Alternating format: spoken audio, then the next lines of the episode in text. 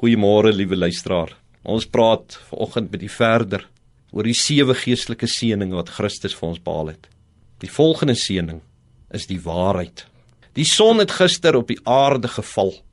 Is iets wat ontbloot is van alle waarheid. Dis 'n leuen. Dit is ook so dat daar baie leuns is. Maar meer nog, leuns het baie bondgenote soos bedrog, valsheid, onegtheid, namaaksels en onbetroubaarheid. Ongelukkig is dit die tipe dinge wat die meeste beklemtoon word en wat die gouste die aandag trek. Dis soos 'n swart vlek op 'n wit rok.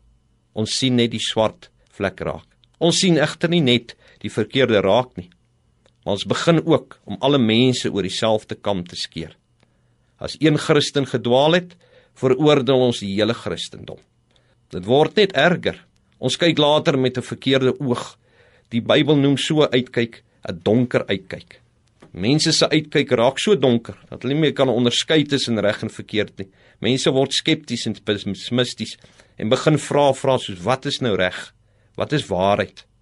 Hulle begin die kerk bevraagteken en sê die kerk wat veronderstel is om die waarheid te verkondig.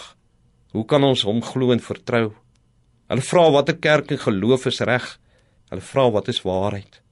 Liewe luisteraar, vir verwarde mense, ja, in onstuimige tye, staan Efesiërs 1:13 soos 'n lig toring uit.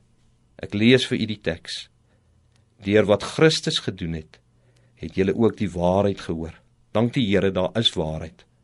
Jesus het self gesê toe hy op aarde was, ek is die weg en die waarheid en die lewe.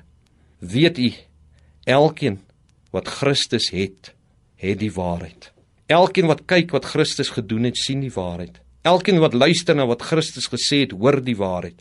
Elkeen wat doen soos wat Jesus gedoen het, leef die waarheid. En elkeen wat Jesus se gesindheid in hom het, is kinders van die waarheid. Maar elkeen wat sê wat Jesus gesê het, praat die waarheid. Wil jy 'n kind van die waarheid wees? Wil jy waarheid hê? Neem Jesus aan. Hy is die waarheid.